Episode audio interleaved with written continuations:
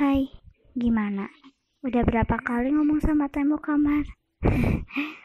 gak apa-apa, gak salah. Aku paham kamu kesepian.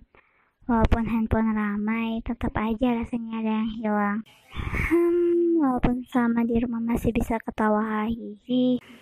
Entah karena film, buku, atau catatan temen yang gila.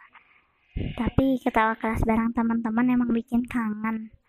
Ada sih alternatifnya video call, tapi tetap aja rasanya kurang afdol. Tapi ya mau gimana?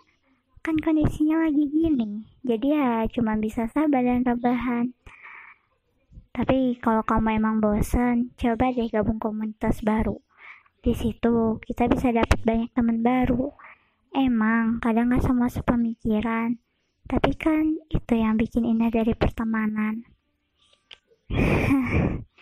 Udah ini kamu harus janji ya.